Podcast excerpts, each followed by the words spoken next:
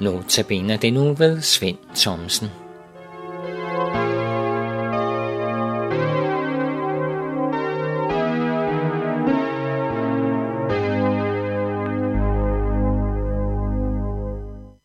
Ja, jeg er der engang blevet bedt om at holde en uges andagter her på Københavns Nærradio. Det har jeg glædet mig rigtig meget til.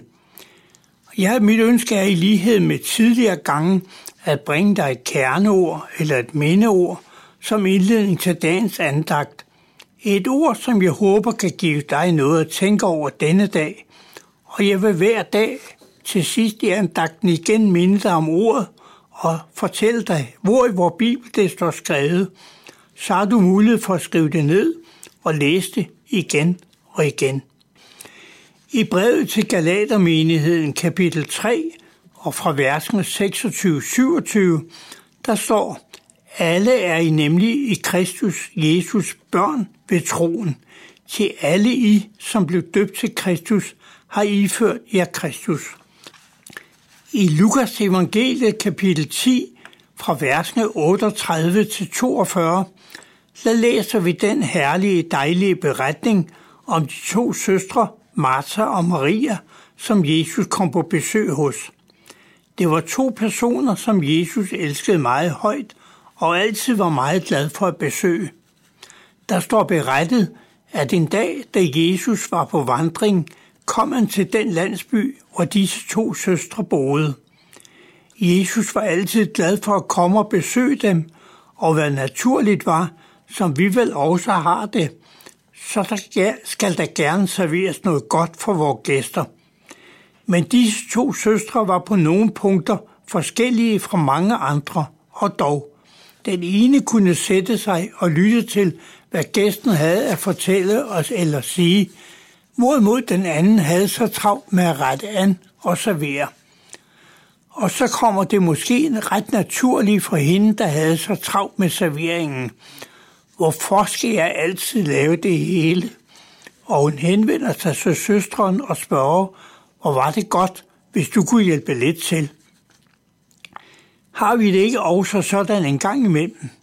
Kan du ikke nikke genkendende til det hos nogen, du kender? Eller prøv at spørge dig selv, hjælper jeg til, hvor der er nødvendigt? Viser jeg det sind at være behjælpelig? Hvorfor skal det kun hvile på den ene? Her var der jo to personer, så kan de vel også hjælpes ad. Men i dette tilfælde var det noget ganske specielt. Kommer du i en menighed eller i kirken, er der ofte nogen, der har brug for hjælp til en eller anden opgave. Tænker du så, der er nok en anden, der er bedre, end jeg er. Og så lader du som, ingen, lader du som ingenting, eller melder du dig. For du kan jo godt og inderst inde, vil du måske rigtig gerne. Der er måske netop den opgave, som lige passer til dig. Martha og Maria boede sammen, men de var lidt forskellige i gøremål, og måske også i temperament. Og det kan vel også være sådan andre steder, mennesker kan synes ens, men vi har forskellige udstråling og måder at gribe tingene an på. Da Jesus besøgte disse to søstre, blev han også opmærksom på Martas udtalelser til sin søster.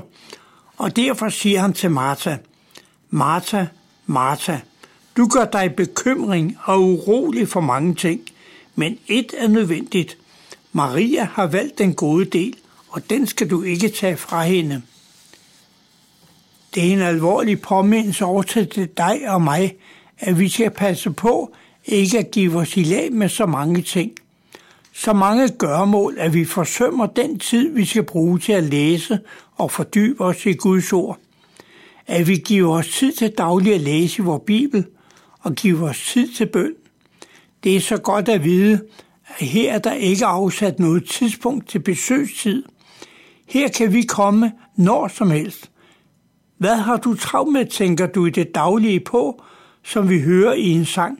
En underfuld frelser er Jesus for mig. Han kendte den nød, jeg var i. Og i sidste vers lyder det et trøstende ord. I troen på Jesus, jeg salig kan gå. Han værner mig selv med sin magt. Mærker du den magt, som Jesus omslutter dig med, så kan du gå saligt fremad i livet. Han værner om dig.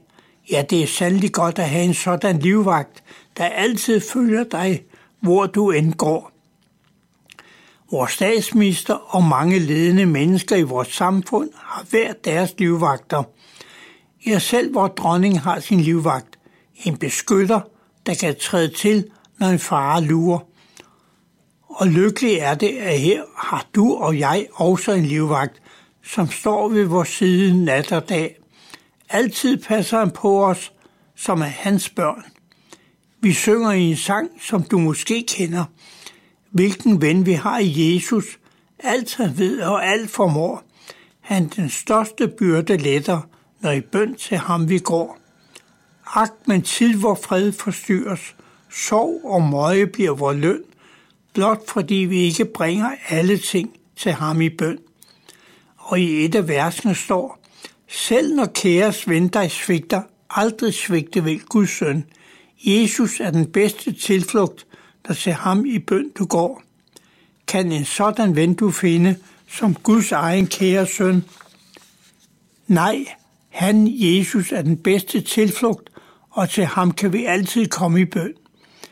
Det forekommer, at man kan høre mennesker udtale, jeg er ikke sådan lige frem nogen kristen, men jeg beder dig ind imellem, når jeg synes, at der er noget, jeg behøver hjælp eller vejledning til.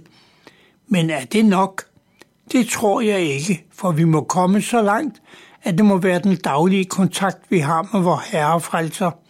Så vil vi mærke, at det er langt tydeligere, den kraft og hjælp, det er at være et Guds barn. Kerneordet, som jeg minder om i begyndelsen, vil jeg nævne igen.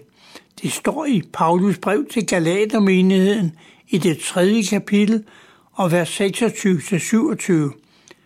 Nemlig, alle er I nemlig i Jesus Kristus børn ved troen. Til alle I, som blev døbt til Kristus, har I ført jer Kristus.